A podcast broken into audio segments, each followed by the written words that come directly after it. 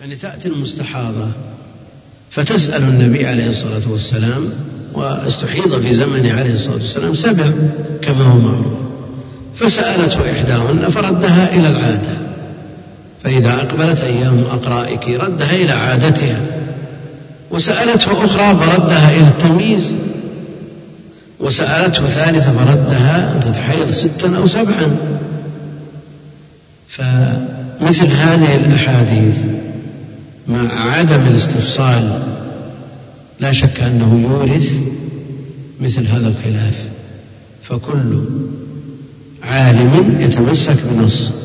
لكن إذا أمكن حمل هذه هذه الإجابات على أحوال لا شك أن مثل هذا يكون أولى لأنه يقتضي العمل بجميع الأحاديث لكن لو ردت إلى التمييز مطلقا.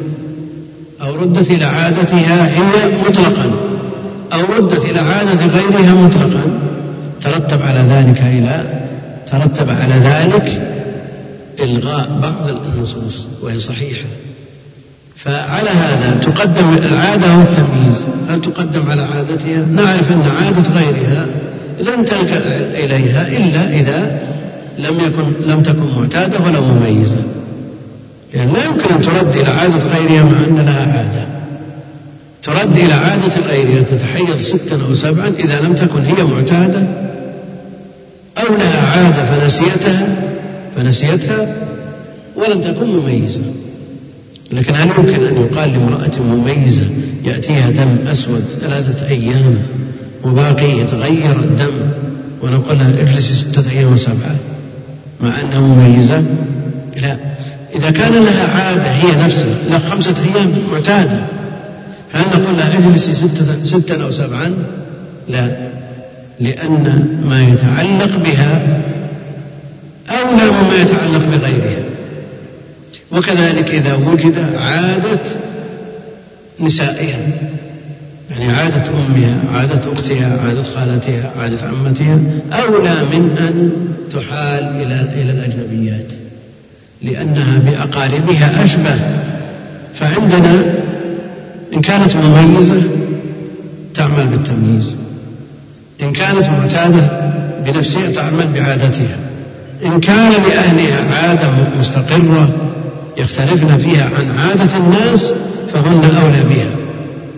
إن كان لغيرهم أو للعموم عادة وهذا هو الذي جاء في ستة أو سبع نعم؟ فتعمل بهذا كما في التوجيه النبوي. ثم بعد ذلك أيهما أولى؟ إذا كانت معتادة ومميزة. معتادة ومميزة. فما الذي يقدم؟ عادتها ستة أيام. ثم لما استحيضت جاءها الدم. خمسة أيام أسود ثخين. ثم بعد ذلك لما انتهى اليوم الخامس صار أحمر.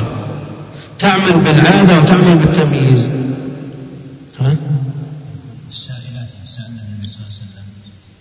يحتمل يكون ما لهم تمييز. إيه، لكن أن تفترض أن هذه لا عادة وتمييز. إلى عادتها وتمييزها. نعم. إيه لكنه دم تغير. هي مستحاضة مستمر معها الدم سنة. وفي كل شهر كان يأتيها ستة أيام. الحيض واضح. من أوله إلى آخره. لما استحيضت جاء هذا الشهر خمسة أيام. أسود كدمها السابق قبل الاستحاضة. لما انتهى اليوم الخامس صار أحمر تغير لا عندنا في على على كلام المؤلف تقدم التمييز. لأنه قدم التمييز في الموضعين قدم التمييز. والمعروف عند الحنابلة تقديم العادة. المعروف في المذهب تقديم العادة. آه، في اختلاف بين المؤلف وأبي بكر؟ ما الحين في شيء؟ لا شيء في الحين. لا خلاص. ودل الدليل الصحيح على أن المستحاضة المميز تعمل بالتمييز. ودل الدليل الصحيح على أن المستحاضة المعتادة تعمل بالعادة. ودل أيضا على أنها تدع الصلاة أيام إقرائها هذه العادة. ودل على أنها تتحيض ستا أو سبعا. وعرفنا أنها تتحيض ستا أو سبعا إذا لم تكن يكن لديها لا عادة ولا تمييز. لأن ما يتعلق بها بنفسها أولى بالمراعاة مما يتعلق بغيرها. هذا انتهينا منه. يبقى عندنا إذا كانت معتادة ومميزة فاختلفت العادة عن التمييز فما الذي يقدم؟ الذي مشى عليه صاحب الكتاب أنها تقدم التمييز. أنها تقدم التمييز والمعروف المذهب تقديم العادة وأن تقديم التمييز هو عند الشافعية مرجع عند الشافعية تقديم التمييز. فما الراجح منهما؟ نعم. ودم أحمر ما هو قدرة ولا صفة نعم. الإشكال الإشكال فيه أن الاحتياط في هذا الباب صعب للصيام. عادته حيض نعم. طيب. يعني تغير الدم تغير الدم من أسود إلى أحمر لا شك أنه له أثر في تغير الحكم. له أثر في له أثر في تغير الحكم. إيه لكن عندنا نص صحيح صريح يعيد إلى التمييز. وقد يقول دع الصلاة أيام أقرائك إذا لم تكن مميزا. لا هو المسألة المسألة يعني متكافئة. يعني الترجيح فيها في تكافؤ باعتبار أن النصين صحيحان. وكل منهما يرد إلى شيء. فإذا كانت مميزة غير معتادة ما فيها إشكال. تعمل بالتمييز. إذا كانت معتادة ولا تمييز في دمها ولا يختلف هذه أيضا لا إشكال فيها. الإشكال إذا تعارضت العادة مع التمييز هنا يقع الإشكال. فهل تقدم العادة أو يقدم التمييز؟ عرفنا أن المذهب عند الحنابلة تقديم المعروف عندهم تقديم العادة. والشافعي يقوم بتقديم التمييز. وفي المذهبين أيضا ما يوافق المذهب الآخر لأن تقديم التمييز رواية عند الحنابلة وتقديم العادة قول عند الشافعية. يعني المسألة ما هي محسومة من كل وجه في المذهبين لا. فخلاصة المسألة أنه إذا اختلفت العادة مع التمييز وضربنا مثل أنها معتادة سبعة أيام من كل شهر مضطرد لمدة عشر سنين ثابت لا يتقدم ولا يتأخر ثم استحيضت. أطبق عليها الدم فجاء الدم الأسود الذي كان يأتيها قبل ذلك بنفس المواصفات خمسة أيام نقص يومين. فما الذي يقدم؟ عرفنا الكلام في هذه المسألة ومن يرجح العادة وهو معمول به مقدم عند الحنابلة يقول مثل ما قال مثل ما أشار إليه أن الصفرة والقدرة في زمن العادة حيث فكيف بالدم الأحمر؟ وهو في زمن العادة. ألا يكون حيضا من باب أولى؟ نعم. يكون عادة من باب أولى. نعم. لكن الذي يقول بهذا يقول ما الفرق بين اليوم السادس الذي اعتبرناه حيض واليوم السابع والثامن؟ لا بد من حد ينتهي إليه الأمر. لكن ردها إلى عادتها ثبت بنص صحيح. نعم. بيجي بيجي. نعم. تمييز. إيه. الآن تقول إن إنها كانت معتادة سبعة أيام ثم استحيضت فجاءها الدم الأسود فعملت بالتمييز لمدة خمسة أيام. ثم جاء أحمر في اليوم السادس ثم عاد أسود في اليوم السابع. ما دام في وقت العادة ما ما في إشكال. تجلس وتجزم بأن اليوم الذي صامته وصلته ما هو وقت حيض هي لكن الكلام على ما إذا تغير واستمر متغير. نعم. ولن ولن ترى. ولن ترى. ولن ترى. لأنه مستحاضة لا هو ما فيه أقوى من الاستمساك بالصفرة والكدرة ما دامت في زمن العادة حيض إذا الدم في زمن العادة من باب أولى أن يكون حيضا ولو كان أحمر نقرأ كلام من قدامى حول هل اي اقرأ صم. أنا هم يردونه للمشايخ الأطباء يردون للمشايخ يعطونك اللي عندهم يقولون هذا الحكم عند أهل العلم. نعم. لا المرأة مميز. تعرف دمها العادي. هي إذا لم تكن مميزة ما في إشكال. الكلام إذا اختلف التمييز مع أيام الأقرأ أيام العادة. نعم. يقول فصل القسم الثالث من أقسام المستحاضة من لها عادة وتمييز وهي من كانت لها عادة فاستحيضت ودمها متميز بعضه أسود وبعضه أحمر. فإن كان الأسود في زمن العادة فقد اتفقت العادة والتمييز في الدلالة فيعمل بهما. هذا ما في إشكال. وإن كان أكثر من العادة أو أقل ويصلح أن يكون حيضا ففيه روايتان. إحداهما يقدم التمييز فيعمل به وتدع العادة وهو ظاهر كلام الفرقي لقوله فكانت ممن تميز تركت الصلاة في إقباله ولم يفرق بين معتادة وغيرها.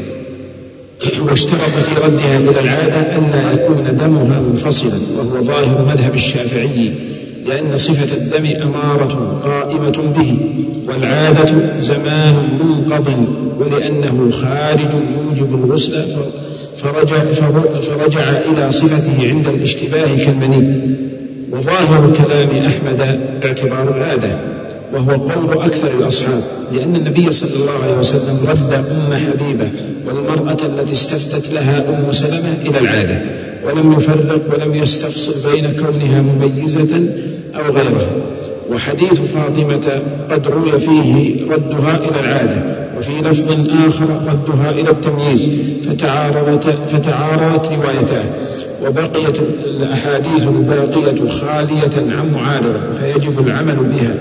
على أن حديث فاطمة قضية في عين وحكاية حال يحتمل أنها أخبرته أنها لا عادة لها أو علم ذلك من غيرها أو قرينة حالها وحديث عدي بن ثابت عام في كل مستحاضة فيكون أولى ولأن العادة أقوى لكونها لا تبطل دلالتها واللوم إذا زاد على أكثر الحيض بطلت دلالته فما لا تبطل دلالته أقوى وأولى. هذا ترجيح المؤلف رحمه الله أنها ترد إلى عادتها وهو معروف عند الحنابلة الشافعية يردونها إلى التمييز. نعم. المذاهب مضطردة في هذا. عند الشافعية تعمل بالتمييز ولو زاد عن عادتها. وعند الحنابلة تعمل بالعادة ولو تجاوز التمييز. ولو كان أسود ثقيل لو لو استمر عشرة أيام ما تجلس إلى عادته. المذاهب مضطردة في هذا ما فيها إشكال. يوم ليلة أو ستة وسبعة لكن ليش ما تجلس دمها هي تجلس مدة طويلة الدم مدة نزول الدم عليها حيض لكن هو المبتدأ هذه حاضت أول شهر ستة أيام. يقول لا ما تجلس إلا يوم وليلة. وبعدها تغتسل وتصوم وتصلي خمسة أيام. لماذا لا تجلس ستة أيام؟ فيها إشكال. وقت الزواج ما في إشكال. آه، الشهر الثاني حاضت خمسة أيام. تجلس خمسة أيام وش المانع؟ لا سيما وأنها لم تتجاوز الأكثر ولم تنقص عن الأدنى عندهم. حتى على ما على ما قعدوه في الأقل والأكثر ما في اضطراب. الإشكال فيما لو نقص الدم الذي نزل عليه عن يوم وليلة أو زاد على أكثره يشكل على على ما قعدوه فالحيض هو الدم والحكم يدور معه وجودا وعدما إلا إذا اختلف النصوص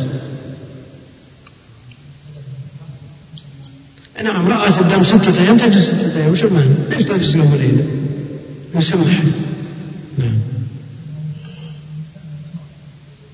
والاضطراب له أسباب كثيرة الآن ويعيش كثير من النساء في حيرة. وأيضا كثير ممن يتصدى لإفتاء النساء قد يضطرب في بعض الأجوبة لأنها تأتي بشيء لم تسبق إليه تأتي بسؤال ما له نظير في الدنيا.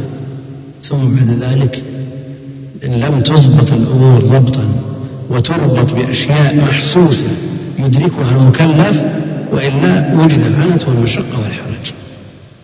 على كل حال يكون إن استمر بها الدم ولم يتميز قعد في كل شهر ستا وسبعا لأن الغالب من النساء هكذا يحضن. نعم. على كل حال كان هذا مضطرد كان هذا مضطرد فيمكن تمييز. يمكن أن يعد من التمييز. الصفرة والقدرة التي أشير إليها سابقا وأنها في أيام الحيض من الحيض ومفهوم ذلك أنها في أيام الطهر لا تعد شيئا كما قالت عطية كنا لا نعد الصفرة والقدرة شيئا. هذه رواية موجودة في البخاري. وفي سنن أبي داود كنا لا نعد الصفرة والقدرة في أيام في إيش؟ بعد الحيض شيئا. بعد الحيض شيئا. فهل نقول نعمل برواية الصحيح ونقول أن الصفرة والقدرة ليست بشيء مطلقا وأن الحيض هو الدم الدم الصافي والقدرة والصفرة ليست بشيء مطلقا. ولو وجد في أيام الحيض يعني عادته خمسة أيام نزل عليها الدم. نزل عليها الدم ثلاثة أيام ويومين صفرة وقدرة. هل نقول أنها تجلس خمسة أيام أو تجلس ثلاثة أيام؟ إن اعتبرنا القيد في رواية أبي داود قلنا أن تجلس خمسة أيام والصفرة والقدرة حيض وأنها لا بد أن تجلس ما لم ترى قصة البيضاء. وإذا قلنا بالرواية المطلقة في الصحيح قلنا إنها لا تعد شيئا مطلقا مجرد ما ينقطع الدم الصافي تغتسل وتصلي ولا تلتفت إلى ما عدا. والذي في البخاري رحمه الله تعالى في الترجمة لما ترجم على خبر أم عطية كأنه عمل بالقيد. نعم كأنه عمل بالقيد الذي في سنن أبي داود. يقول رحمه الله تعالى باب الصفرة والقدرة في غير أيام الحي. باب الصفرة والقدرة في غير أيام الحي.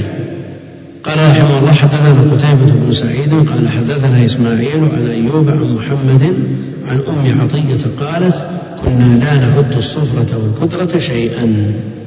كلام أم عطية يدل على أنه لا يعد مطلقا. لا في زمن الحيض ولا في زمن الطهر والترجمة فيها القيد.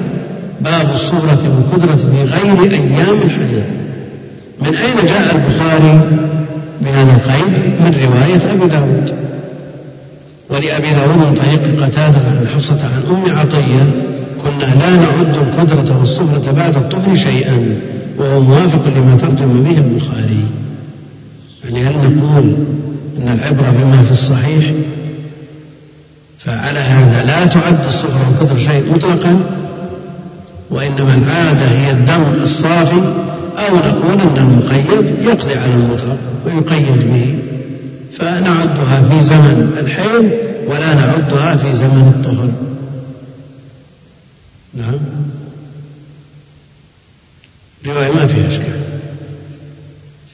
نعم.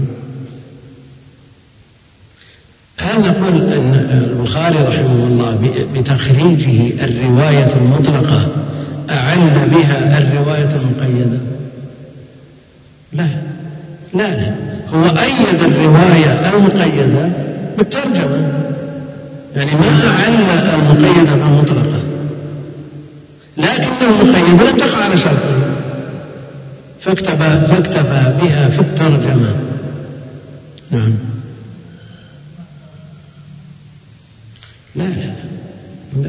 كنا لا نعد الصفرة والقدرة الصفرة شيئا. هناك قيد. لم يرد على شرطه فلم يورده ورد عند غيره. احتج به واستدل به الحكم يعني أيده بالترجمة ما أعل ما أعله يعني لو لو جاء باب الصفرة والقدرة فقط ما قال في أيام غير أيام الحيض وجاء باللفظ المطلق قلنا إنه يعل الرواية المقيدة بالرواية المطلقة.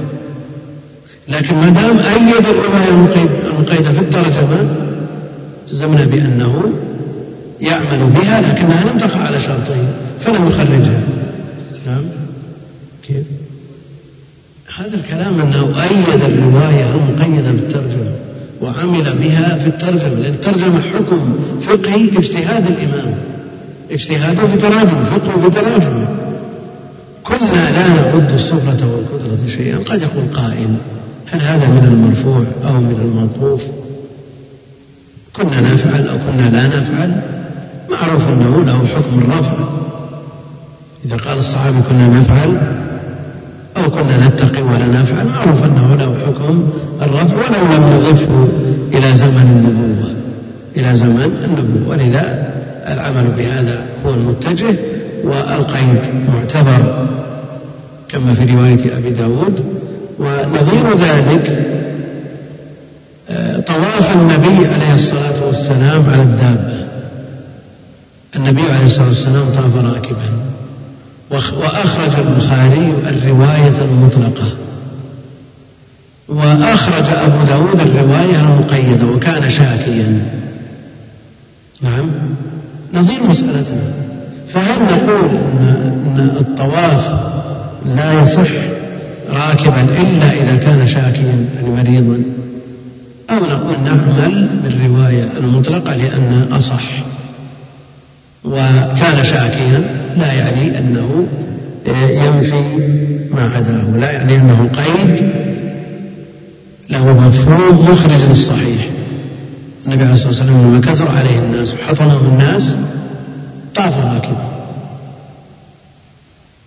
فدل على أن أدنى حاجة ولم يكن شاكيا إذا احتاج إلى ذلك فإنه يطوف ويسعى من باب أولى. وإن كان صحيحا سليما إلا أنه محتاج لذلك.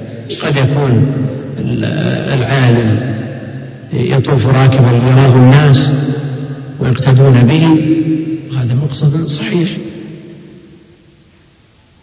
فهنا قيدنا وفي الحج في الطواف نقيد ولا ما نقيد؟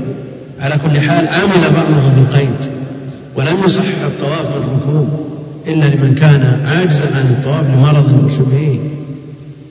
ومنهم من يعمل بإطلاقه وأم سلمة طافت وهي راكبة غيرها طاف فدل على أن المشي ليس بشرط.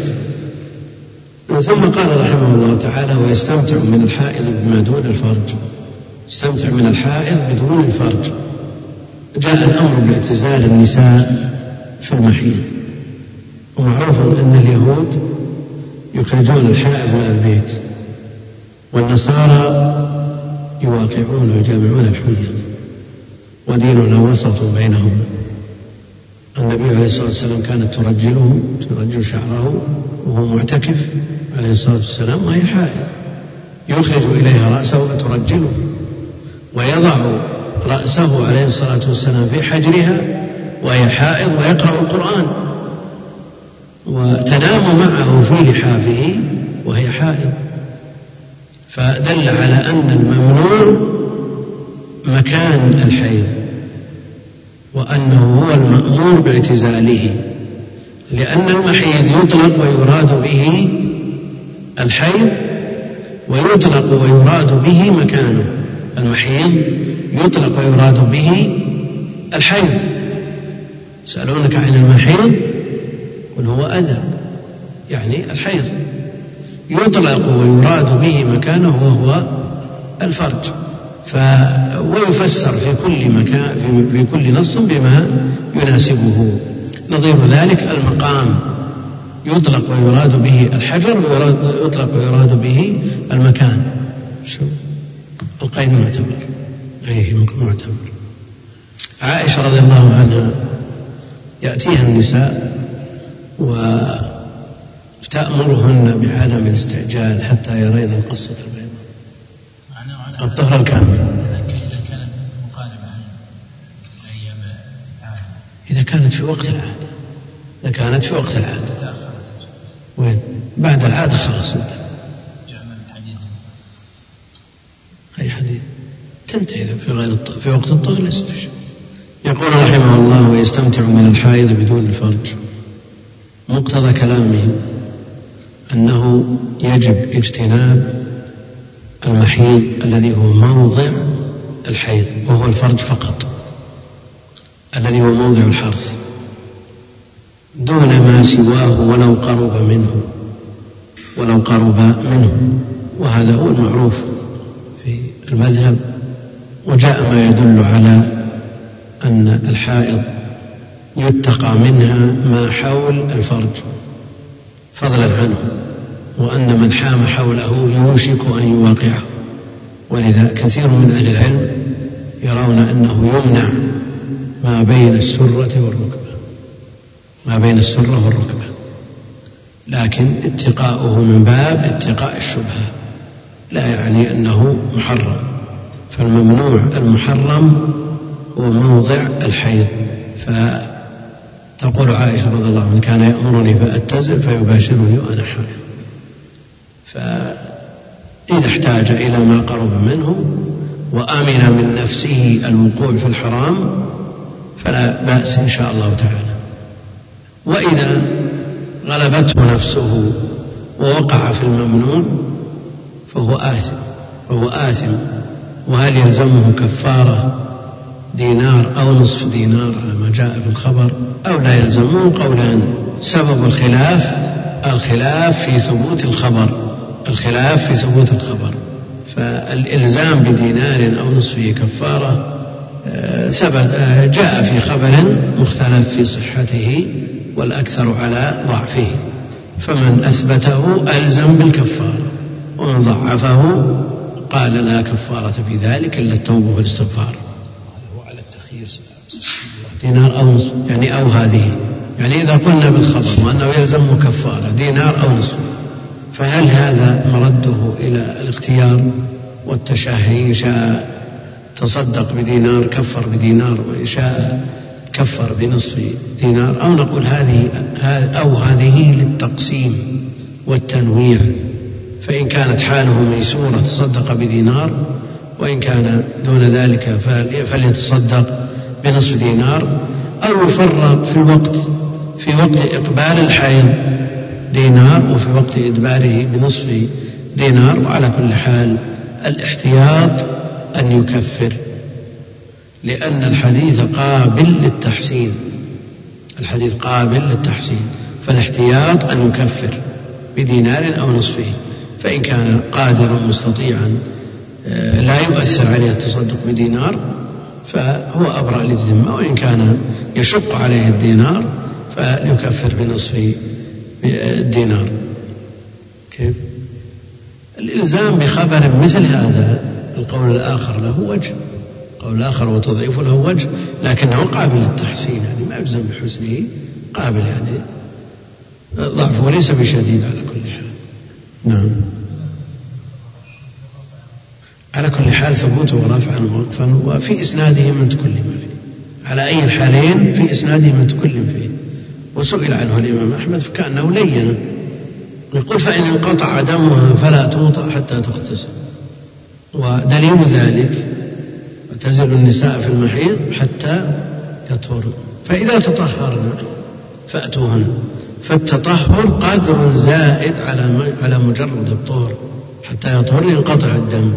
فإذا تطهرن يعني بالاغتسال ف فأتوهن. فإن انقطع دمه فلا توطأ حتى تغتسل.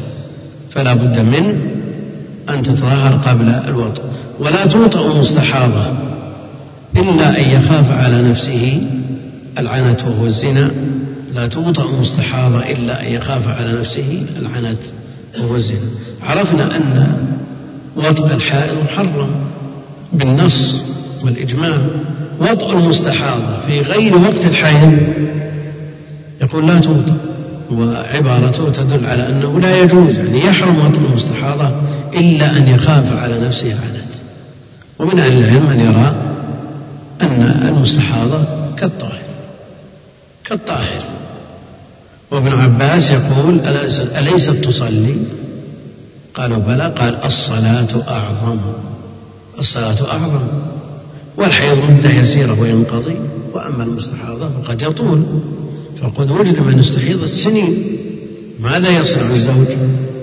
فلا شك أن اتقاء مثل هذا الأذى الذي هو الاستحاضة مطلوب يعني من باب التنزه والتنظف ولئلا يتضرر بذلك.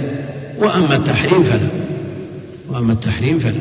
إلا أن يخاف على نفسه العنت وهو الزنا. إذا كان الخيار في حال الاستحاضة بين وطئها. هنا يعني على كلامه هو. وبين الاستمناء. يعني يخاف على نفسه الزنا. لا سيما أن الأسباب قد كثرت والمثيرات تعددت الآن.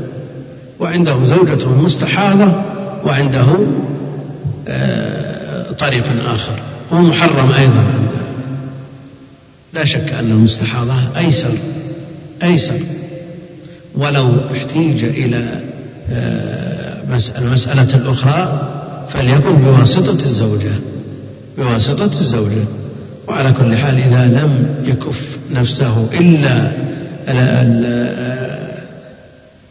الوضع فلا شيء في ذلك إن شاء الله تعالى ما دام في مسألة استحاضة.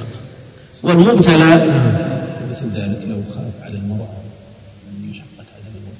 إذا خاف عليها مثلا العنت أو التطلع للرجال واحتاجت إلى ذلك وهي تشتهي كالرجل مثله. نعم.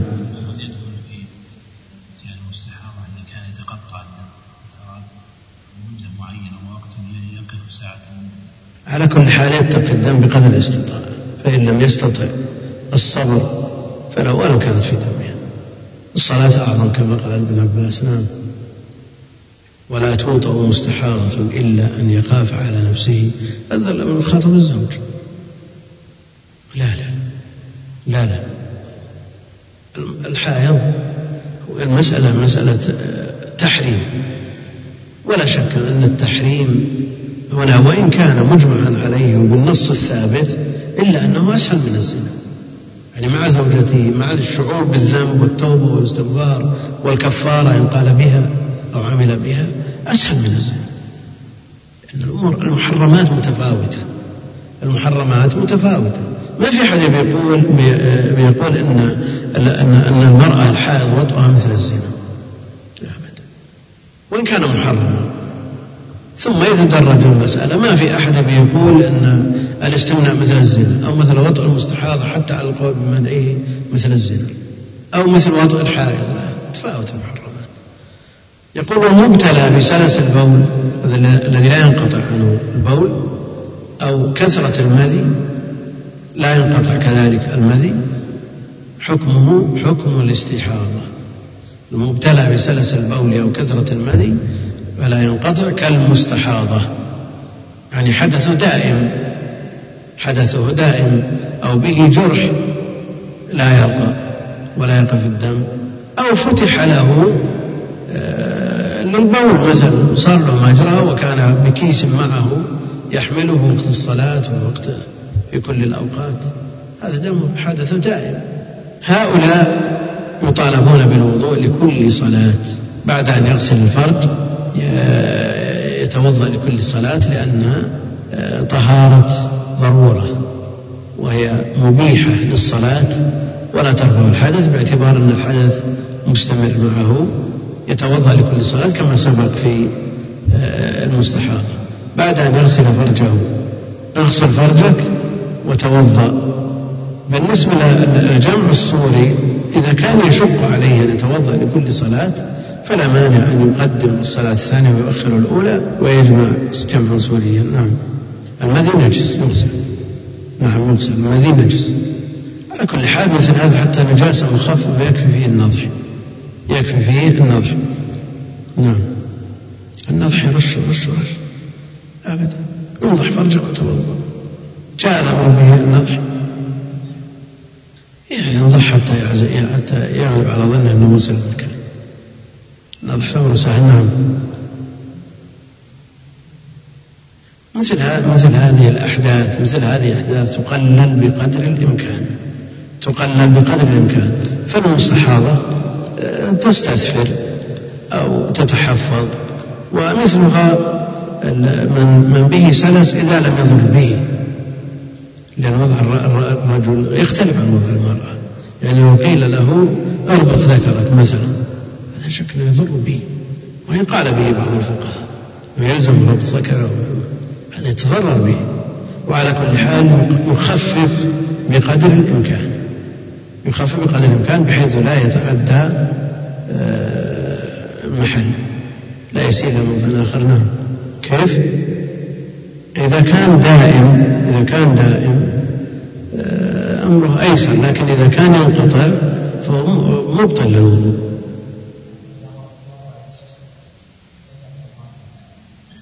جاء في حديث علي حينما أمر المقداد أن يسأل النبي عليه الصلاة والسلام قال كنت رجلا مذاء فأمرت المقداد أن يسأل النبي عليه الصلاة والسلام فأمره بغسل فرجه نعم اغسل ذكرك وتوضأ. فمثل الحكم حكم الاستنجاء. إلا أن نجاسته أخف. لا في سؤال غريب جاء من أول الدرس هذا يقول كيف نرد على من يقول إنكم تتشاغلون بمسائل الحيض والنفاس في وقت يتشاغل العالم بالأسلحة والتطور وأن لكل مقام مقالا وآيات الحيض فرضت آه، وقت القوة في المدينة وليس في مكة وأن في هذا تحييد لطاقات الشباب وتغفيل عن قضايا مصيرية أراد أراد العدو صد المسلمين عنها. نعم. ما أدري والله. الناس كلهم يشتغلون كل الأمة تشتغل بهذا. هل رأيت كل الأمة تشتغل بمسائل الحيض والنفاس؟ نعم. هذا له ناس وهذاك له ناس والحمد لله. الأمة متكاملة بمجموعها. الأمة متكاملة بمجموعها. ولا يجوز تعطيل باب من أبواب الدين. بل لا بد من القيام به. ولذلك وجدت فروض الكفايات. لئلا يتجه الناس كلهم إلى عمل واحد. فلا يتجه الناس كلهم إلى التطوير والتسليع ويتركون العلم والعكس أيضا لأن هذا فرض كفاية وهذا فرض كفاية ولا يتنافى هذا مع هذا. فعلى الأمة أن توزع المهام والطاقات حتى تتكامل ولا تحتاج إلى عدوها والله أعلم وصلى الله وسلم على نبينا محمد وعلى آله وصحبه أجمعين. السلام عليكم ورحمة الله وبركاته. الحمد لله رب العالمين وصلى الله وسلم على نبينا محمد وعلى آله وصحبه. قال رحمه الله تعالى وأكثر النفاس أربعون يوما وليس لأقله حد أي وقت رأت الطهر اغتسلت. وهي طاهر ولا يقربها زوجها في الفرج حتى تتم الأربعين استحبابا. ومن كانت لها أيام فزادت على ما كانت تعرف. لم تلتفت إلى الزيادة إلا أن تراه ثلاث مرات. فتعلم حينئذ أن حيضها قد انتقل فتصير إليه وتترك الأول وإن كانت صامت في هذه الثلاث مر في هذه الثلاث مرات أعادته وإذا كان وإذا كان صوما واجبا. إذا كان. عندنا أعادته إذا كان صوما واجبا. أعادته إذا كان صوما واجبا وإذا رأت الدم قبل أيامها التي كانت تعرف فلا تلتفت إليه حتى يعاودها ثلاث مرات. ومن كانت لها أيام فرأت الطهر قبل ذلك إن كانت لها أيام حيضا. لا بدون حيض أيام أحسنت. ومن كانت لها أيام حيض فرأت الطهر قبل ذلك فهي طاهر تغتسل وتصلي فإن عاودها الدم لم تلتفت إليه حتى تجيء أيامها والحامل لا تحيض إلا أن تراه قبله والحامل لا إذا رأت الدم فلا تلتفت إليه لأن الحامل لا تحيض. عندنا والحامل لا تحيض. إلا معناه قريب متقارب يعني واحد هذا مفاده لكن زيادة توضيح قال والحامل إذا رأت الدم فلا تلتفت إليه لأن الحامل لا تحيض إلا أن تراه قبل ولادتها بيومين أو ثلاثة فيكون دم نفاس وإذا رأت الدم ولها خمسون سنة فلا تدع الصلاة ولا الصوم وتقضي الصوم احتياطا. فإن رأته بعد الستين فقد زال الإشكال وتيقن أن وتيقن أنه ليس بحيض فتصوم وتصلي. ولا تقضي. والمستحاضة إن اغتسلت لكل صلاة فهو أشد ما قيل فيها وإن توضأت لكل صلاة أجزأها والله أعلم. الحمد لله رب العالمين وصلى الله وسلم وبارك على عبده ورسوله نبينا محمد وعلى آله وصحبه أجمعين.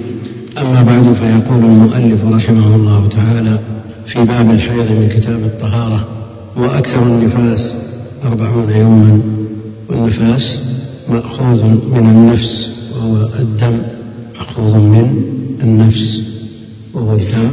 ويقول الفقهاء كل ما لا نفس ما لا نفس له سائلة يعني دم سائل فهو طاهر ولا ينجس بالموت. فالنفس هو الدم تسيل على حد الضبات نفوسنا يعني دماؤنا. فالنفاس هو الدم. فالحكم مقترن به وجودا وعدما فمن تلد ولادة مقترنة بدم لها حكم والكلام عنها. وإذا استمر النفس الذي هو الدم فمتى يجزم بانقضائه؟ وإذا لم يوجد بالكلية أو وجد شيء قليل فما الحكم؟ يقول المؤلف رحمه الله تعالى وأكثر النفاس أربعون يوما. أكثر النفاس أربعون يوما. ولا شك أن هذا هو غالب نفاس النساء وأنه لا يزيد على الأربعين ومقتضى كلامه أنه إذا زاد عن الأربعين ولو يوما واحدا أنها تغتسل وتصلي ما لم يصادف وقت عادة فيكون حيضا. وبهذا قال الحنابلة والحنفية وجمع من أهل العلم ومنهم من يرى أن أكثره ستون يوما وقول الشافعي رحمه الله واختيار كثير من المحققين والمسألة مردها إلى الوجود وأكثر ما وجد هو الأربعون. وليس لأقله حد لأنه وجد من تلد بدون دم وإن كان نادر إلا أنه يدل على أن الحكم مع الدم وجودا وعدما فإذا عدم الدم ولم يوجد فلا نفاس. وإن وجد يوم أو أقل من يوم أو أكثر فإنها تجلس مدة وجوده وتغتسل عند انقطاعه ويكون حكمها حكم الطاهرات. ومنهم من حده حد الأقل بخمسة وعشرين يوما. وهذه الأقوال ليس لها ما ينهض من الأدلة بحيث تكون ملزمة إلا أنها أمور اعتيادية بالنسبة للنساء ومع ذلك لا بد من اختيار قول يجزم به لأن المسألة مسألة عبادة تعلق بها عبادات من أركان الإسلام فقد يقضى بلزوم الصلاة ولا تصلي وقد يقضى ببطلانها وتصلي وكذلك الصيام. فأكثر أهل العلم على أن النفاس أربعون يوما وهذا هو القول الوسط في المسألة وهو الذي تميل إليه النفس أنه أربعون يوما لا ستين. وليس لأقله حد كما ذكرنا وهو أن من النساء من وجدت منها الولادة دون دم ومنها من يخرج منها الدم مصاحبا للولادة ثم ينقطع بعد زمن يسير ومنها من يستمر معها الأيام بل الأسبوع أو الأكثر ولا تصل إلى الأربعين. وليس لأقله حد أي وقت رأت الطهر اغتسلت وهي طاهر. نعم. المقصود أنه إذا نزل من مخرجه الطبيعي نزل الدم من مخرجه الطبيعي جلست له. وفي العادة يخرج. يخرج. بيوم أو يومين حكم حكم آه، الولادة. حكم حكم النفاس. أي وقت رأت الطهر اغتسلت وهي طاهر.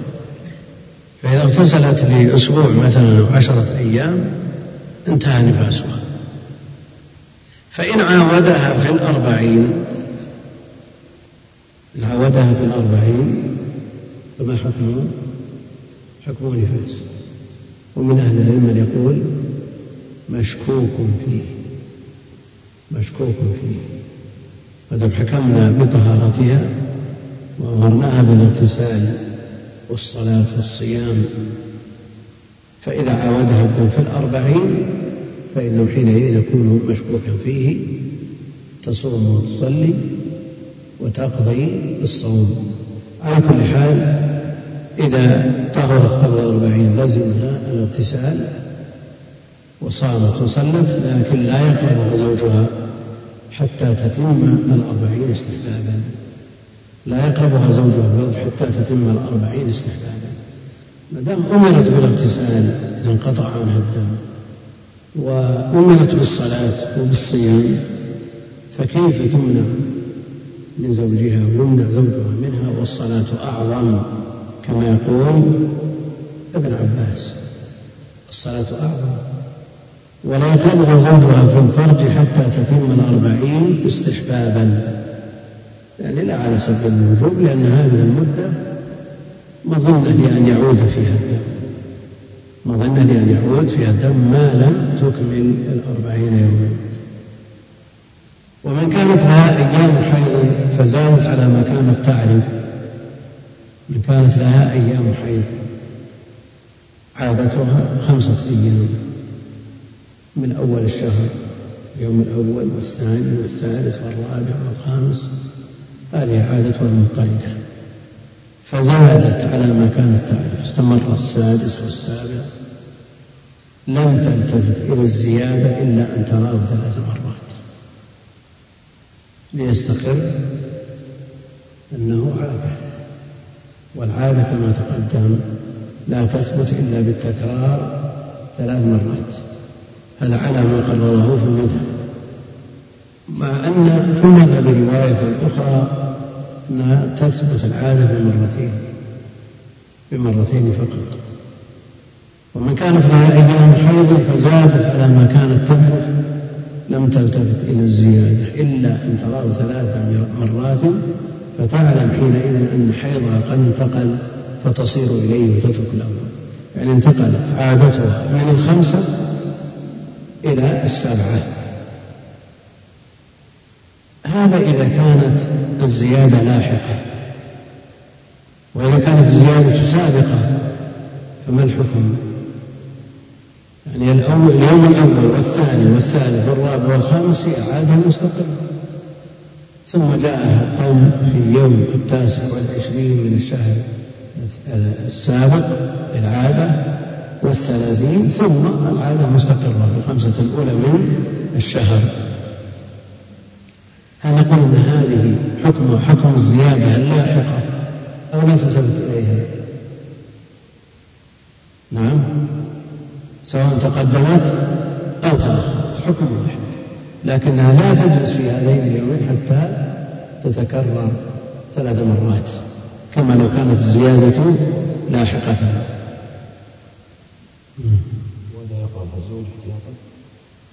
هذا؟ أشد؟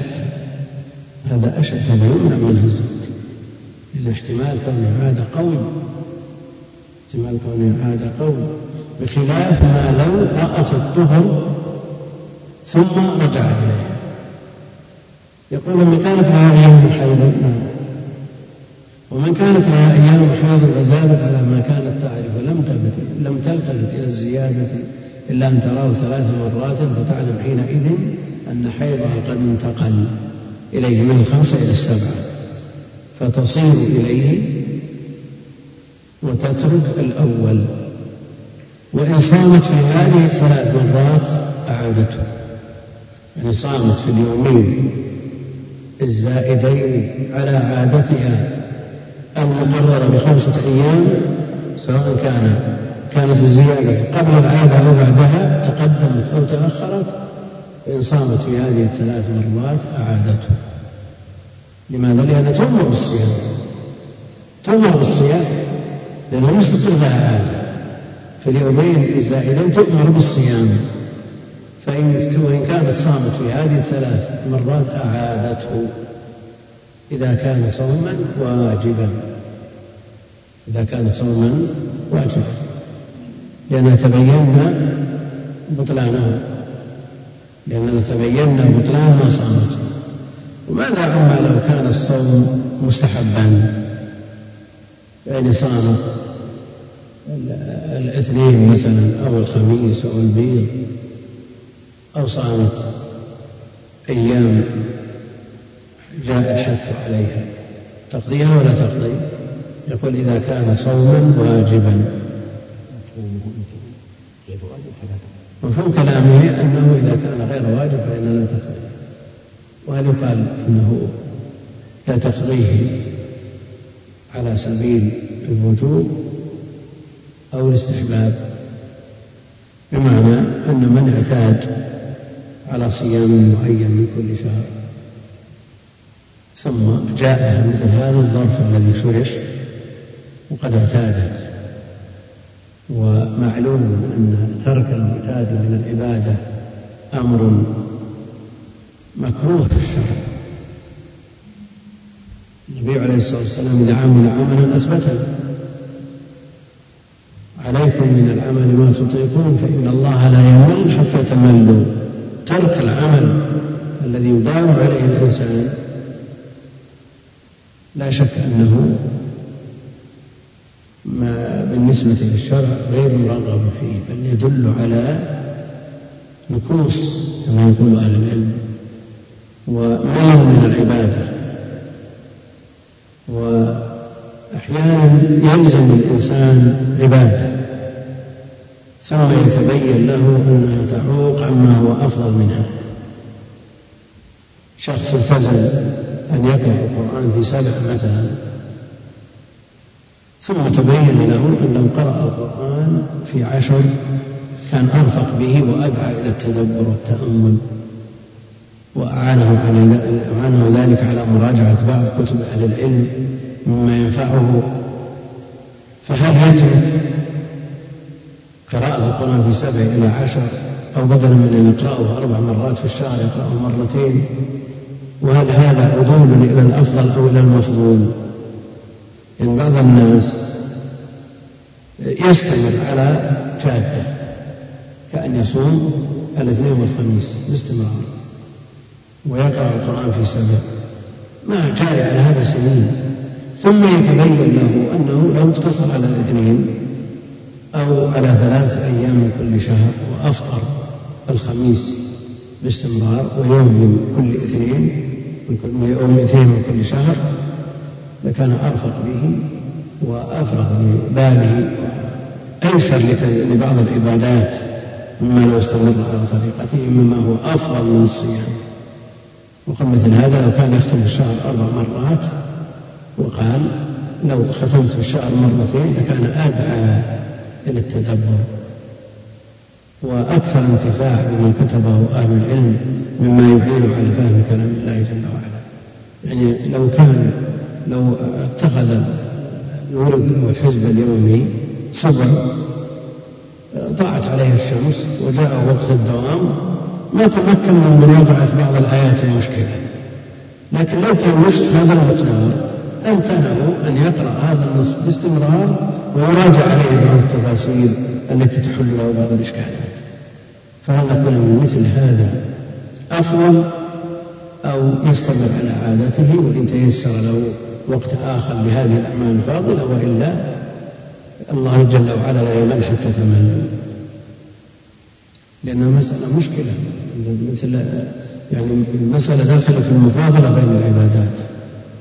وفي المفاضلة بينها رموز لأن بعض الناس قد يكون يترك الجادة التي سلكتها من سنين لأتمكن مما يعينني على فهم كلام الله ثم لا هذا ولا هذا. يترك نصف قراءته ولا يراجع. لأن الشيطان حريص مجرد ما يجد فرصة يهجم الإنسان. يقول له الحمد لله أنت قرأت الحين اللي قرأت أخيرا والمراجعة في وقت لاحق فهذا الذي يخشى منه. بعض الناس يستشكل مثل هذا. يقول أنا أقرأ سبع القرآن. فماذا لو اقتصرت على النصف وراجعت التفاسير.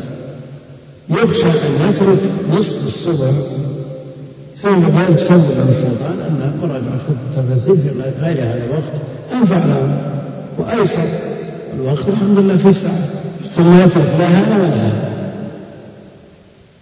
مثل من يقول لبعض الناس أنت اعتمدت السفر إلى مكة والمجاورة في العشر الأواخر. وتنفق الأموال الطائلة. هناك تنفق عشرين ألف ثلاثين ألف. فلو وزعتها على جنب من البيوت المحتاجة وأديت العمرة ورجعت فيقول بعض الناس ينصح بعض. نعم. ثم بعد ذلك يأخذ بهذه النصيحة فيترك المجاورة ولا يوزع شيء. وهذا حاصل. والشيطان حريص على مثل هذه الفرص. يستغلها فإذا كانت المرأة قد اعتادت نعم إذا كانت المرأة قد اعتادت أنها تصوم من كل شهر؟ الاثنين والخميس. وجاء الاثنين وصار في هذه الأيام التي لم تستقر فيها؟ العادة صامت لا نقول تقضيها ولا تقضيها لأنه قال إذا كان الصوم واجبا أما على سبيل اللزوم والوجوب فهذا ما في شيء ولا يكون فيه إلا عند من يقول بوجوب القضاء. عند من أفطر من غير عذر في صوم النفل وهذا معروف عند الحنفية. عند الحنفية إذا أفطر مطلقا عذر من غير عذر يقول بعذر المالكية. يقول إذا أفطر وصائم نفل إن كان لعذر جاز عند المالكية. وأما بالنسبة للحنفية فلا بد من القضاء سواء كان لعذر أو غير والحنابلة والشافعية ما عندهم متطوعة من بنفسه فهذه صامت هذه الأيام. نفلا دخلت فيها تطوعا. من غير إلزام ثم تبين أنها باطلة. فهل يقال أن مثل هذا كما لو أبطلت؟ فتقضيها لا أحد من أهل العلم في مثل هذه الصورة يقول بالوجوب وإن كان من باب الاستمرار على العمل الذي التزمه الإنسان على نفسه كما قضى النبي عليه الصلاة والسلام راتبة الظهر بعد العصر في وقت النهي لأنه التزم ذلك. فالأمر فيه سهل لكن الوجوب لا يقوم به أحد. في الصورة التي ذكرناها يعني من كان معتادا لحزب من القرآن فأراد أن يتخفف منه هل نقول إن هذا ترك ومل من العمل الصالح؟ ودخل في حديث فإن الله لا يمل حتى تمل. مع عزمه على التعويض بأمر قد يكون أهم وأنفع له. أو شخص اعتاد أن يقرأ القرآن في سبيل ولم يحفظ القرآن فقال لو أقتصر في لمدة سنة على ورقة واحدة بدلا من أربعة أجزاء وزيادة أقرأ ورقة واحدة أرددها حتى أحفظه وبعد سنة أرجع إلى المنهج الذي سرت عليه. هل يكون هذا عدل من المفضول من الفاضل إلى المفضول أو العكس؟ نعم. يعني أهل العلم سيما الكبار مثل أحمد والأئمة يرون أن القراءة من المصحف أفضل من القراءة المحفوظة فكانوا يقرأ الصبح من المصحف ويعدل عنه إلى ترديد صفحة ورقة واحدة هذا بالنسبة له ولا مفضول اللهم إلا إذا كنا من الاعتبار بالحروف. وترديده لهذه الورقة يعادل قراءة الصبح فالأجر واحد. فيكسب الحفظ ويكسب القدر المرتب على الحروف من الأجر. وعلى كل حال من أمكنه أن يحفظ فلا يعدم بالحفظ شيء لأن التلاوة يعني أمرها ميسور فما حفظه في هذا الوقت بإمكانه أن يردده طول ويكسب الأجور. ولا يكون حينئذ ناقصا عن ما أعتاده من العبادة. كيف؟ تنوع العبادات أمر مقرر في الشرع. تنوع العبادات من تلاوة إلى ذكر إلى صلاة أمر مقرر في الشرع. لكن هل الأفضل بالنسبة للمعتكف في ليالي العشر أن يمسك المصحف ويسلم إلى أن يأتي وقت السحور أو يصلي آه، عشرات الركعات أن يأتي السحور أو يذكر الله قال التنويع أفضل في المصحف يقصد. لا لا قراءة المصحف مختلف فيه. في الصلاة مختلف فيه. من أهل العلم من لا يجوز فكيف يقال بمفاضلة له؟ ما يقصد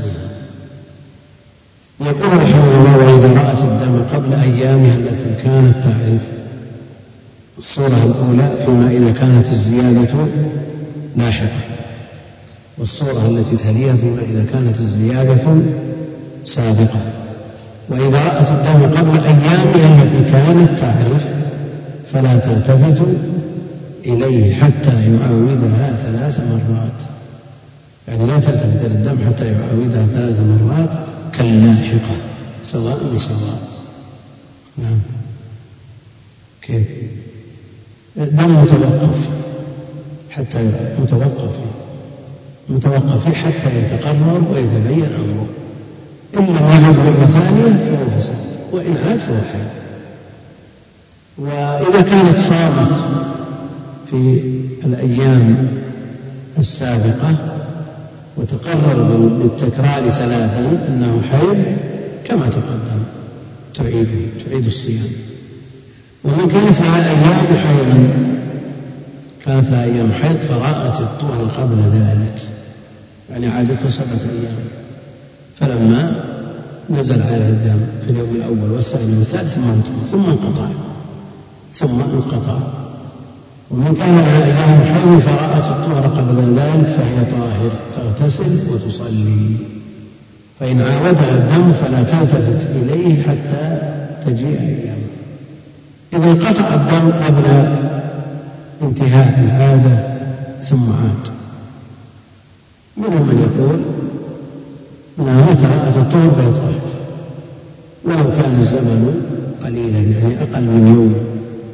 ومنهم من قال لا يحتوي طهارتها حتى تكمل يوم وليلة. ومنهم من يقول إنها ما زالت في حيضها ما لم تر قصة البيضاء. ولو رأت نقاء. وكانت عائشة تقول تأمرهن بالتريث حتى ترين القصة البيضاء. يقول وإن كانت أيام حيض فرأت الطهر قبل ذلك فهي طاهرة وتغتسل وتصلي. فإن عاودها الدم فلا تلتفت إليه حتى تجيء أيامها. يعني طهرت في اليوم الرابع وعادتها سبعة أيام. طهرت الرابع والخامس ثم ثم عاودها السادس والسابع. ماذا نقول؟ مقتضى كلامه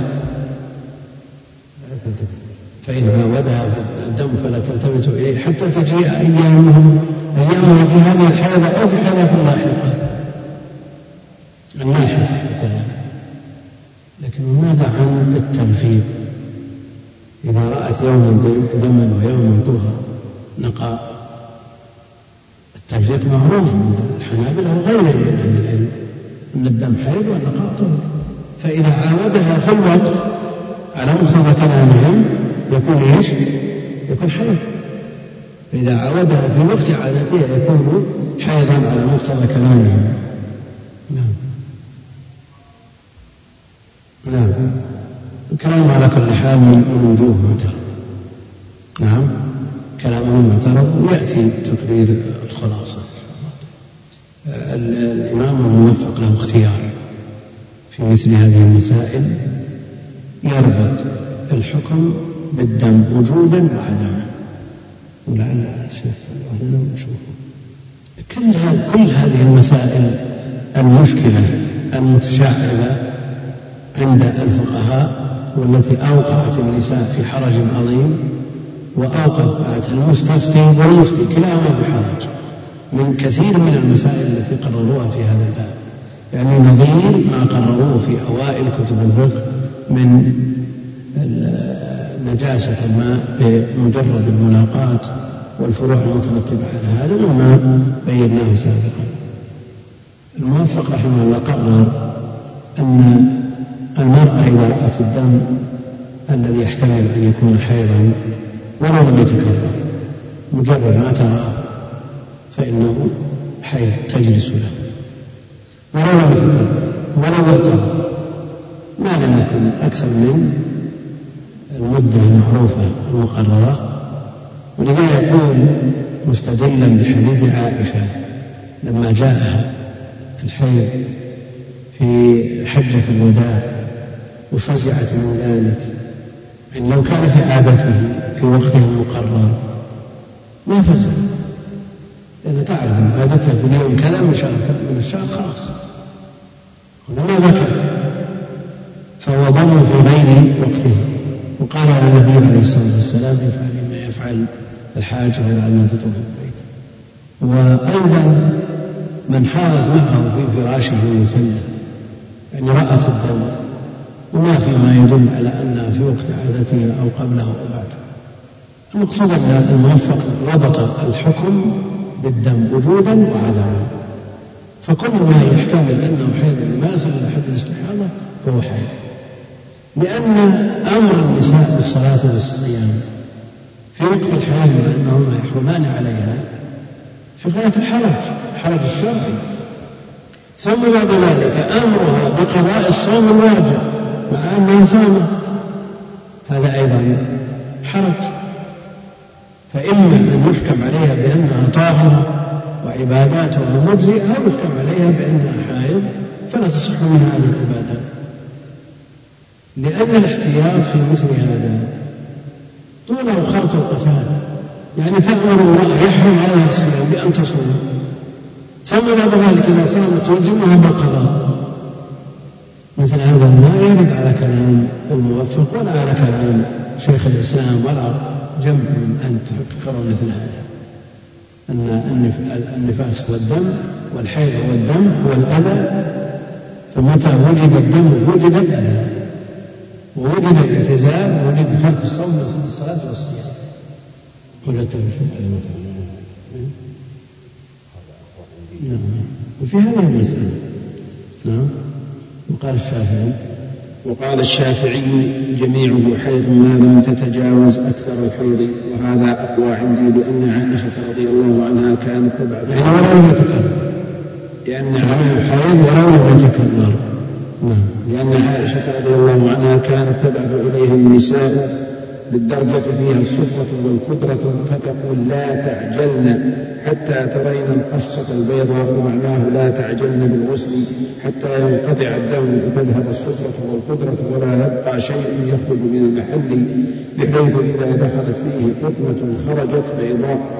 ولو تعد الزيادة ولو لم تعد الزيادة ولو لم تعد الزيادة حيضا للزمها الغسل عند انقضاء العادة وإن كان الدم جاريا لأن الشارع علق على الحيض أحكاما ولم يحده وعلم أنه رد الناس فيه إلى عرفهم فالعرف بين النساء أن المرأة متى رأت دما يصلح أن يكون حيضا اعتقدت حيضا ولو كان عرفهم يعني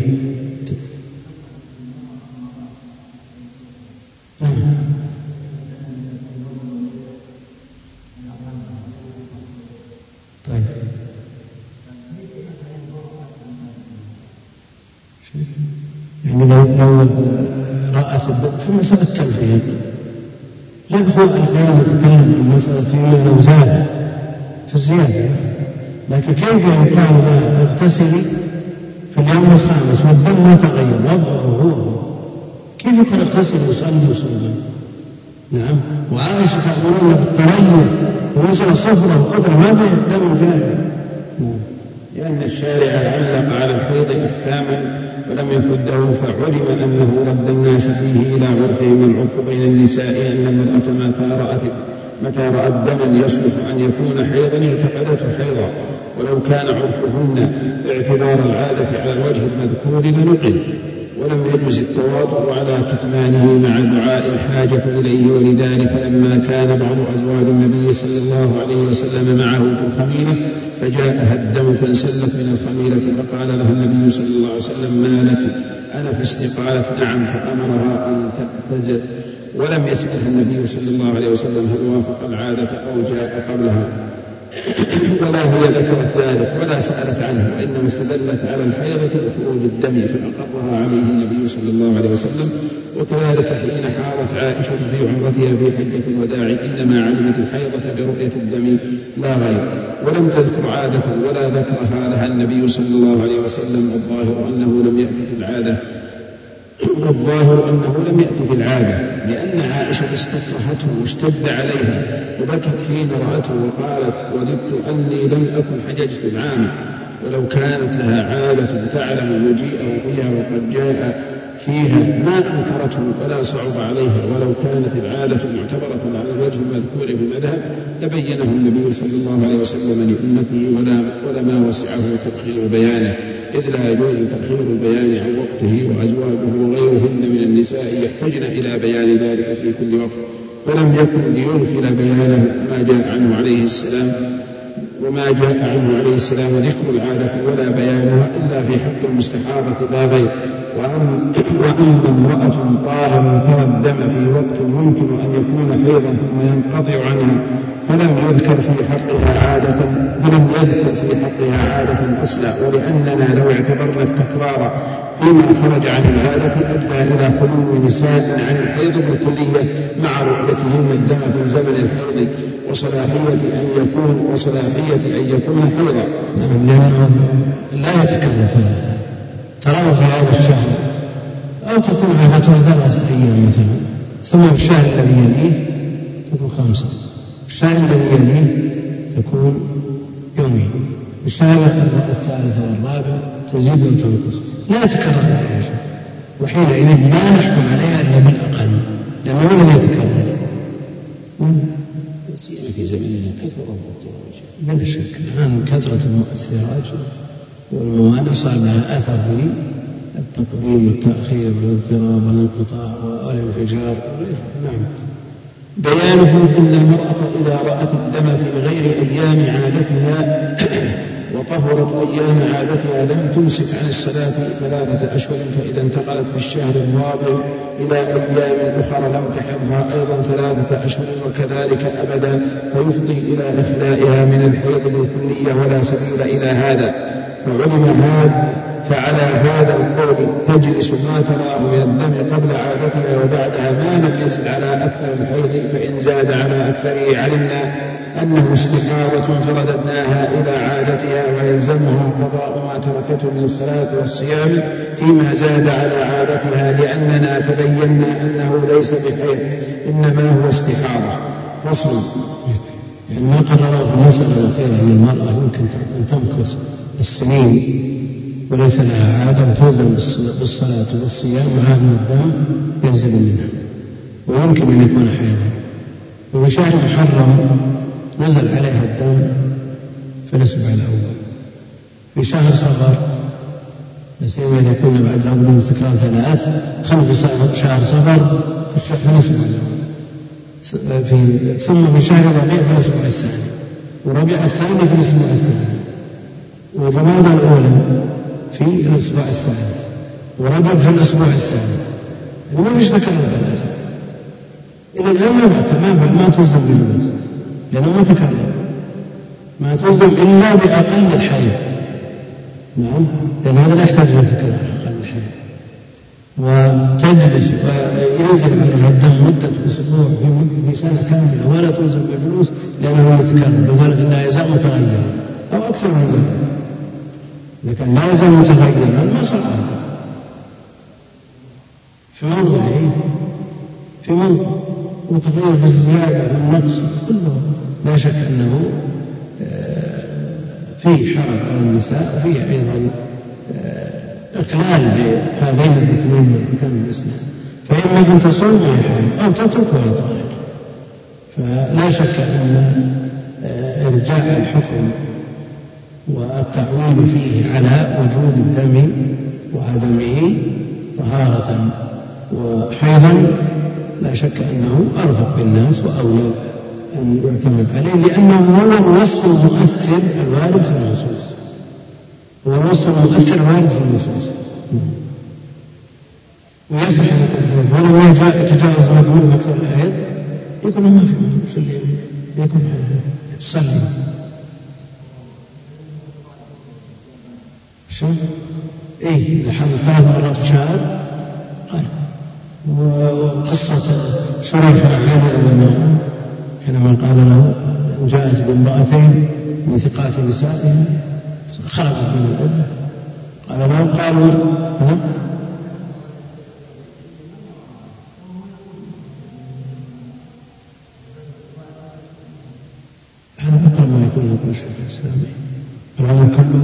مدة يعني خمسة عشر يوم طهر خمسة عشر يوم دم إذا زاد عن, عن أكثر من النصف من خمسة عشر نعم على كلامهم إذا رأت يوم طهر ويوم حيض يوم طهر يوم الحيض ويوم النقاء يوم دم ويوم النقاء فالدم حيض والنقاء طهر. ولعلنا نأتي بالخلاصة في صفحة وصفحتين الأسبوع القادم تجمع أطراف الموضوع من قبل الدخول في كتاب الصلاة يقول رحمه الله تعالى والحامل إذا رأت الدم فلا تلتفت إليه لأن الحامل لا تحمل يقول عندنا زيادة من الأصل ليست موجودة في آه، بعض النسخ لكنها موجودة في الأصل الذي اعتمدوا عليه. الحامل إذا رأت الدم فلا تلتفت إليه لأن الحامل لا تحل لأن الله جل وعلا إنما أوجد هذا الدم لتغذية الجنين فإذا حملت المرأة انقطع لكن قد يكون قائل أنه قد الدم أثناء الحيض فهل تجلس له ويكون حيضا أو يكون دم فساد كالجرح؟ المؤلف رحمه الله تعالى على المذهب وهو أن الحامل لا تحل وهذا هو المرجح هذا هو المرجح لأن الحيض جعل دلالة على براءة الرحم فكيف يوجد حصول الرحم لو كانت الحامل تحيض ما جعل الحيض دليل على براءة الرحم وفي سبع أوتاس قال النبي عليه الصلاة والسلام لا توطأ حامل حتى تضع ولا حائل حتى تحيض يعني غير الحامل وجعل الحامل في المقابل من تحيض فلو كانت الحامل تحيض رد الجميع الحيض رواية حتى تستبرأ بحيض ليست هذا حتى تستبرأ نعم يعني لا ما أن الاستبراء يكون بحيض المسبيات وغيرها. للدلالة على براءة الرحم ولو كانت الحامل تحيض ما دل الحيض على الرحم إلا أن ترى قبل ولادتها بيوم أو بيومين أو ثلاثة فيكون دم نفاس لأنه خرج بسبب الولادة وإن كان قبلها فكان من مقدماتها مرتبطا به. فيكون دم نفاس وإذا رأت الدم لها خمسون سنة عندهم عن الحنابلة أنه لا حيض قبل تسع سنين ولا بعد خمسين سنة. لكن المؤلف له تفصيل فيما بين الخمسين والستين إذا رأت الدم على خمسون سنة فلا تدع الصلاة ولا الصوم. وتقضي الصوم احتياطا. لأن المسألة مردودة إلى عادة الناس. وجرت العادة في بعض الأماكن أن الحيض ينقطع لخمسين. وعلى هذا غالب المسلمين ووجد من تحيض بين الخمسين والستين فوجود مثل هذا العدد وإن كان قليلا من النساء الحيض بعد الخمسين إلى الستين يؤثر على الحكم القاطع بحيث لا يقال أنه لا حيض بعد الخمسين لكن يقال الأصل أن حيض وقد يوجد من تحيض بعد الخمسين وأثر هذا على الحكم. وإذا رأت الدم خمسون سنة فلا تدع الصلاة ولا الصوم لماذا؟ لأنه ليس بحيض وتأخذ الصوم احتياطا باحتمال أن يكون حيضا. لأنه وجد من تحيض بعد الخمسين إلى الستين لكن الغالب غالب النساء لا تحيض. فرتب الحكم على الغالب. ولوجود عدد ولو قليل يحيل بين الخمسين والستين جعل في الحكم مثنويا يعني ما جزم به جزم كما جزم به غيره. يعني الحنابلة الكتب المتأخرين منهم لا حيل بعد خمسين يعني لا تصوم وتصلي ولا فرض كأنها حكم حكم الطاهرات وتقضي الصوم احتياطا وإذا رأته بعد الستين فقد زال الإشكال. يعني هذه إذا رأت الحيض بعد الستين فإنها لا, لا تلبس تصوم وتصلي ولا تقوم. فقد زال الإشكال وتيقن أن أنه ليس بحيض فتصوم وتصلي ولا تقضي تيقن أنه ليس بحي يعني الذي نزل عليها بعد الخمسين إلى الستين إن استمر بعد الستين تزمن بأمان زكاة وما بين الخمسين والستين كنا مشغولون تجلس عشر سنوات تصوم وتصلي ثم تكبر بالقضاء الله هذا في حرج شديد.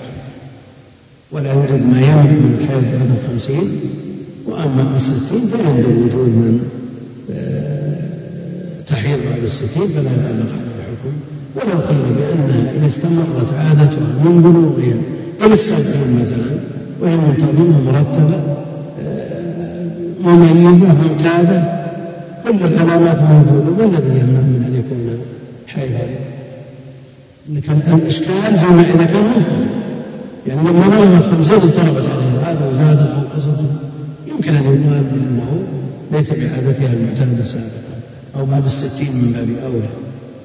لكن إذا كان منتظما من بلوغها إلى أن بلغت السبعين أو بعد ذلك منتظم في مدته تحيض ستة أيام وسبع ولونه منتظم من بدايته إلى نهايته ما الذي يمنع أن يكون حيضا إذ لا دليل على التحديد لا دليل على التحديد إلا من وقائه وعادة النساء أنها في الغالب تنقطع إلى خمسين لكن مثل هذا لا يرد إليه الحكم.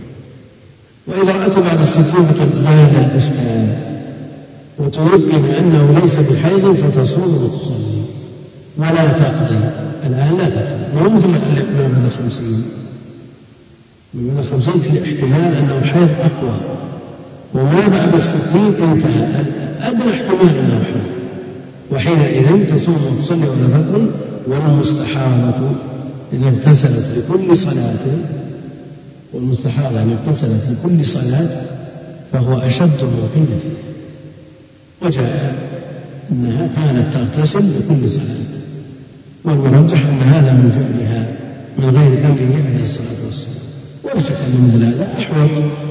لكن لا يوزن به ولا آه، يوجب على آه، المستحاضة فهو أشد ما قيل فيها وإن توضأت لكل صلاة أجزاءها ويكفيها عن الغسل وبين المرتبتين أن تجمع فتغتسل للظهر والعصر جمعا سوريا وتغتسل للمغرب والعشاء وتغتسل للفجر.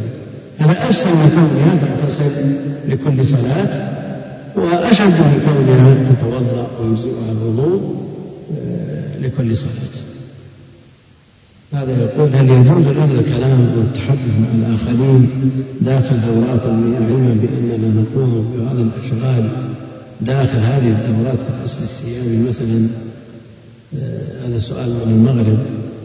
داخل الدورات لا شك أنها هذه الدورات وهذه الحشوش أماكن قذرة نجسة يربى بالكلام الطيب عنها يربى بالكلام الطيب عنها والكلام اللائق بها يربى بالمسلم عنها.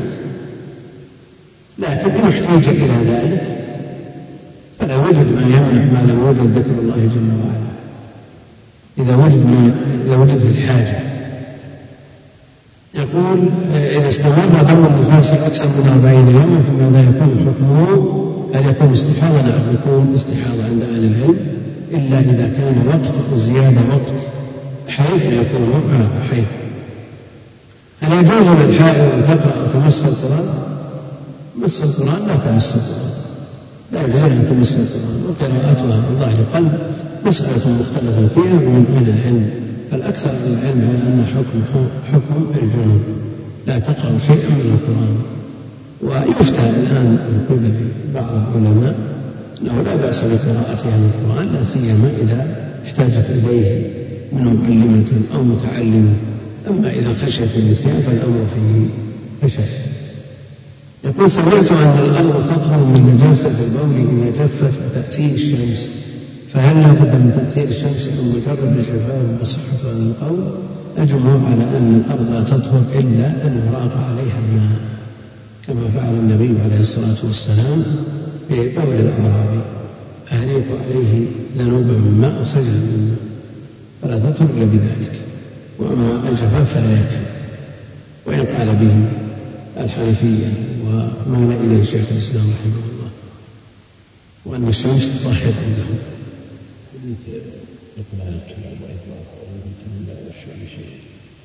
في الصحيح كانت الكلاب تقبل تدبر في مسجد رسول الله صلى الله عليه وسلم. في رواية وهي من الرواية الصحيح وتبول لكن هذه الرواية مشكوكة ليست من الروايات عند الأربعة رواة المعتمدين الصحيح. ومع ذلك حديث بول الأعرابي ما في شك إنه صحيح. يقول زوجتي جاءتها الدورة الشهرية في بداية شهر رمضان استمرت معها ثمانية أيام وطلب من ذلك وبعد مضي خمسة أيام جاء دم مشابه للدورة الأولى ولا يزال مستمرا معها وصلت وصامت فيما حكم صلاتها وصيامها. إذا كانت عادتها السابقة لهذا الشهر المعتادة عندها هي ثمانية الأيام والثمانية لون دمها ودم عادتها فلا تلتفت إلى ما ينزل عليها بعد انقطاعه وطهرها. يقول بالنسبة لاسترجاع الطفل على ملابس أمه هل هو نجس هل إذا صلت بهذا الثوب عدة صلوات تعيد الصلاة وإذا غسلت وكانت على منه هل يبطل وضوءها؟ ولما يخرج من جوف الإنسان من القي بالنسبة للكبير نجس عند عامة أهل العلم.